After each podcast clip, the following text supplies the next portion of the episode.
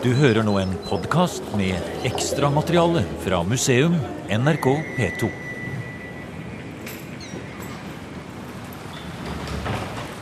I museum fra Røros besøkte vi bygningsvernsenteret og tok en kikk på restaureringsarbeidene av kirken, som bl.a. utføres av malingkonservatorer fra Nasjonalmuseet i København. I dette ekstraprogrammet skal vi fortsette samtalen med historiker og fagkonsulent Erik Roll fra Rørosmuseet.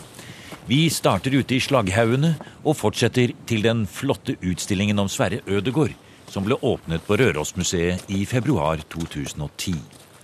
Men det vi snakket om ute i Slagghaugene, med det overveldende inntrykket av et øde og ødelagt industrilandskap rundt smeltehytta, var inntrykket av at det å jobbe for kobberverket må ha vært et umenneskelig slit.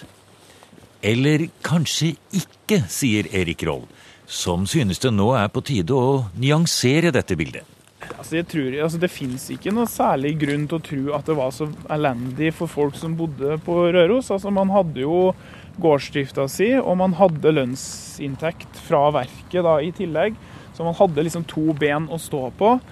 Og øh, Det er vanskelig ofte å si da, om det er det her med gårdsdrifta som ble det viktigste næringsgrunnlaget, eller det å jobbe for verket. sant? Men, men at, at, man hadde to bein å stå på, det tror jeg nok er, er øh, spesielt da, egentlig, for en, i, i Norgessammenheng, kanskje. Så dette museet som vi nå besøker, og vi er her og ser på Rørosmuseet osv., det er et museum over egentlig både arbeidets slit Jeg hadde nesten sagt arbeidets rett, som er avisene avisen her. Men uh, slit, vanskelige arbeidsforhold, fattigdom. Men så sier du da må vi altså huske at det det heter at å ha lønnsinntekt, mm. det kunne også virke frigjørende i på slutten av 1700-tallet, begynnelsen av 1800-tallet f.eks. Ja, ja, det tror jeg nok. Og her var det jo veldig tilrettelagt. sant? I Bergstaden her så kunne man jo ta seg byggetomt bl.a. der ingen hadde hevd på grunnen fra før. sant? Og man fikk kjøpe tømmer og, og sagbord og sånn til kostpris fra verket og bygge seg en gård. Så her var det jo tilrettelagt sånn at man kunne komme hit og, og, og jobbe her og, og, kunne leve her, da, for å si det sånn. Vi må jo huske på det at målet, det store målet var jo å, å skaffe partisipantene mest mulig klingende mynt i kassa. Det må vi huske på. Det var jo derfor det ble anlagt et verk her. Og det var jo også merkantilismen på den tida, på 1600-tallet, hvor, hvor, staten hadde som mål å ha mest, et, mest mulig Eh, edelmetaller og gull og være mest mulig selvberga, og det skulle bygges opp en sterk militær krigsmakt. Så mm. ja. ja. Vi får eh, gå ned og komme oss i ly, for nå begynner regnet og de tunge skyene over eh, Røros å, komme komme innover oss her.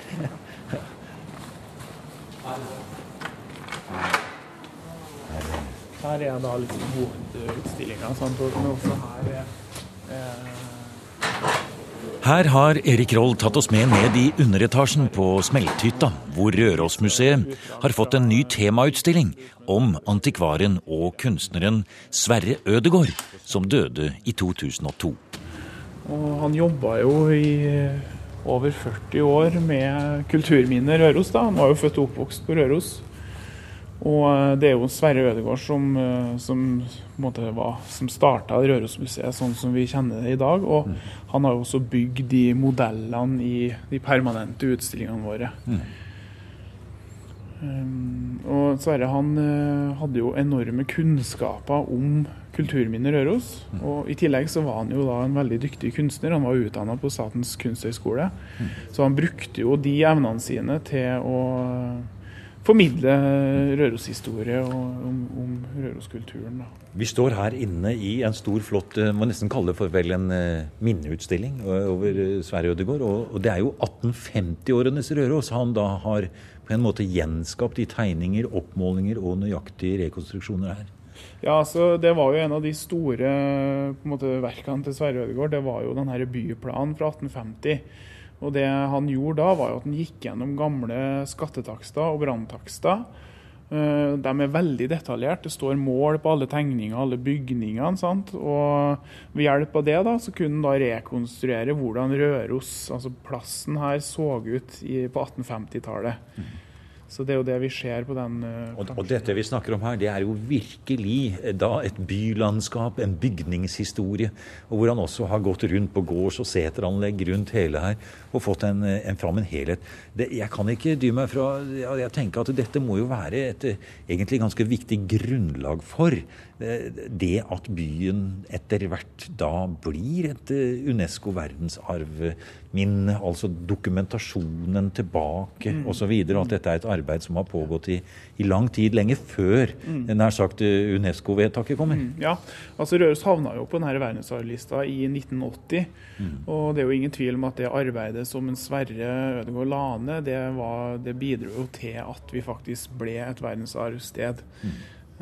Og Sverre var jo veldig opptatt av det her med, med helhet og detalj. Sant? At detaljene er så veldig viktig for, for hele ja. kulturminnet. Vi går rundt og ser litt på disse detaljene her, annet, og det er morsomt å se de tegningene. Det er veldig flotte tegninger for øvrig, og det er kunstnerisk drag over dem til de grader. Mm. Og vi ser her det er gått helt ned på, på nøkkel, nøkkelskilt, altså rundt eh, der hvor man stikker nøkkelen inn. Det er vindusomramminger, selvfølgelig. Mm. Trapp lamper, eh, vindusdetaljer, beslag. Ja. Hver minste ting her. Ja, Han var veldig opptatt av det. Altså. Han skulle jo sette seg inn i de, helt ned til de minste detaljene. Altså. Han skulle Ja.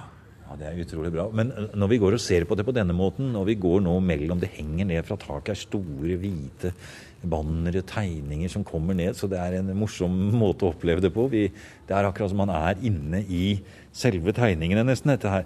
Og Det er jo ikke heller til å komme fra, vel, Roll, dette med at uh, denne stoltheten over byen, stoltheten over husene, stoltheten over det å bo og ha et sånt fantastisk anlegg som dette, mm. den har jo ikke alltid vært sånn som den er nå. Det har jo ikke alltid vel vært sånn at disse bygningene er bare stas. Det har vel vært litt riving og litt sånn her også?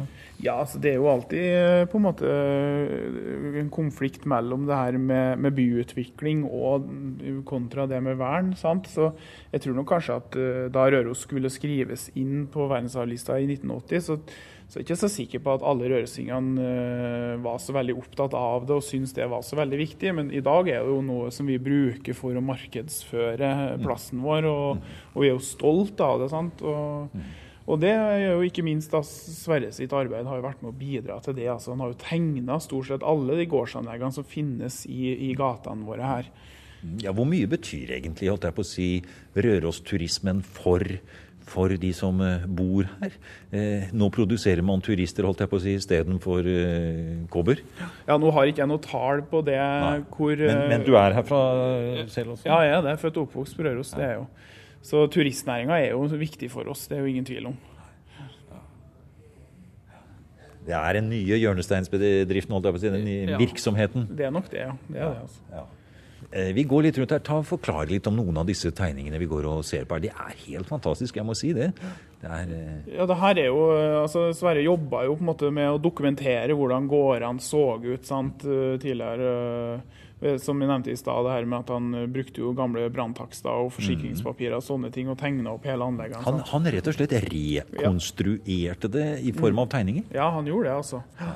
Eh, og han sa jo det sjøl, at eh, det som var motivasjonen hans, var jo først og fremst for rørosingene og for dem som, som faktisk eide de gårdene. Sant? Og at de kanskje eh, ønska å vite mer om, om, gården sin og sånne ting. Så det var jo det som var motivet, var jo først og fremst for rørosingene han gjorde det her, ikke for turistene egentlig. altså. Så han hadde jo det fokuset. Mm. For å skape kanskje det grunnlaget for stolthet og kulturbevissthet, kanskje, hvis vi kan bruke det uttrykket, mm. som etter hvert eh, vel nå kanskje er eh, veldig mye mer eh, rotfestet her enn det, enn det var. Ja, det, det, tror jeg nok at det, at det står sterkere i dag. Det gjør det nok. Og se her, her har vi altså da til og med tegninger av inventar, stoler, alt mulig. altså. Ja. bygningsteknikken, ja. Han var jo museumsmann, sant? og mange av de stolene og det som, vi, som er tegna her, det er jo gjenstander som Rødsmuseet har i sine samlinger. Mm. Så det var jo i den forbindelse at han uh, tegna sånne, sånne ting som det her.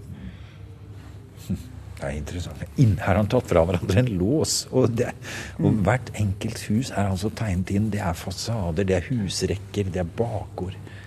Det er veldig flott, altså. Ha, farvelagt til noen av dem også. Ja. For at den første kirka i Røros den sto jo ferdigbygd allerede i 1650. sant? Eh, det, man sier jo det at uh, drifta ved verket ble jo etablert, eller første malmfunnet var jo i 1644. Så allerede i 1650 så sto jo den første kirka ferdig, og den sto jo i toppen av det som i dag er Kjerkegata, mm. med hovedinngangen ned. Eh, men den ble jo fort nedslitt, så eh, på 1700-tallet, i 1777, så ble det bestemt at det skulle bygges en ny kirke. Og Peder Hjort, som var direktør ved Kobberverket den gangen, han ville jo at dette skulle bli et monument over Kobberverket sin storhet. ikke sant? Så han ville bygge i stein. og og det ble jo da den kirka som står på Røros i dag, og som er øh, kanskje det mest kjente Røros-motivet. Og jeg ble regna som øh, en av de ti mest viktige etterreformatoriske kirkebygg i Norge. Og Så ble det jo et lite monument over Peder Hjort selv også. Han har jo et stort, flott kapell nærmest ute på kirkegården, som ja. er hans gravsted. Ja, der er han gravlagt sjøl i full bergmannsmundur, mm. Peder Hjort. da. Mm. Mm. Utrolig flott. Og nå står vi og ser på tegningene til Ødegaard her, og det, det er en opplevelse å se. Altså, det er som en, eh, både en kunstutstilling og en utstilling om bygningsvern, dette her på en måte, da, og bygningshistorie. Mm.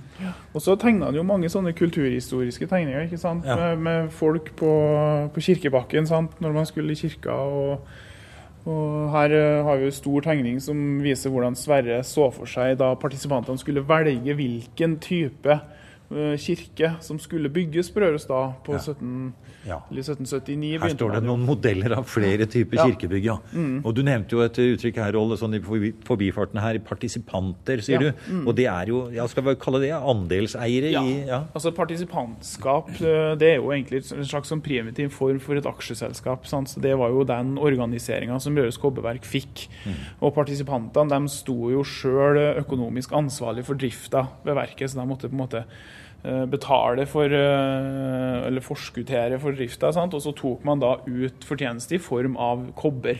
Mm. Ja. Og det var eh, bl.a. de store trondhjemsfamiliene, sånn som f.eks. Angel-familien. Ja. Mm. Hjort har vi hørt om her. Fra da de store kjøpmannsfamiliene på mm. 1700-tallet i Trondheim. Mm. Ja. Eh, Angel, Møllmann, Melnke og Hornemann, sånne kjente navn, det var de store partisipantene i kobberverket. Og de eh, beholdt jo faktisk eh, andelene sine til tidlig ut på 1900-tallet, altså da, da verket ble omgjort til et aksjeselskap. Du har nå hørt en podkast med ekstramateriale fra Museum NRK P2. Museum sendes i NRK P2 på lørdager klokken 16.03 og søndager klokken 08.03. Hvis du vil, kan du abonnere på Museum Podkast i iTunes. Jeg vil gjerne ha dine synspunkter på programmet.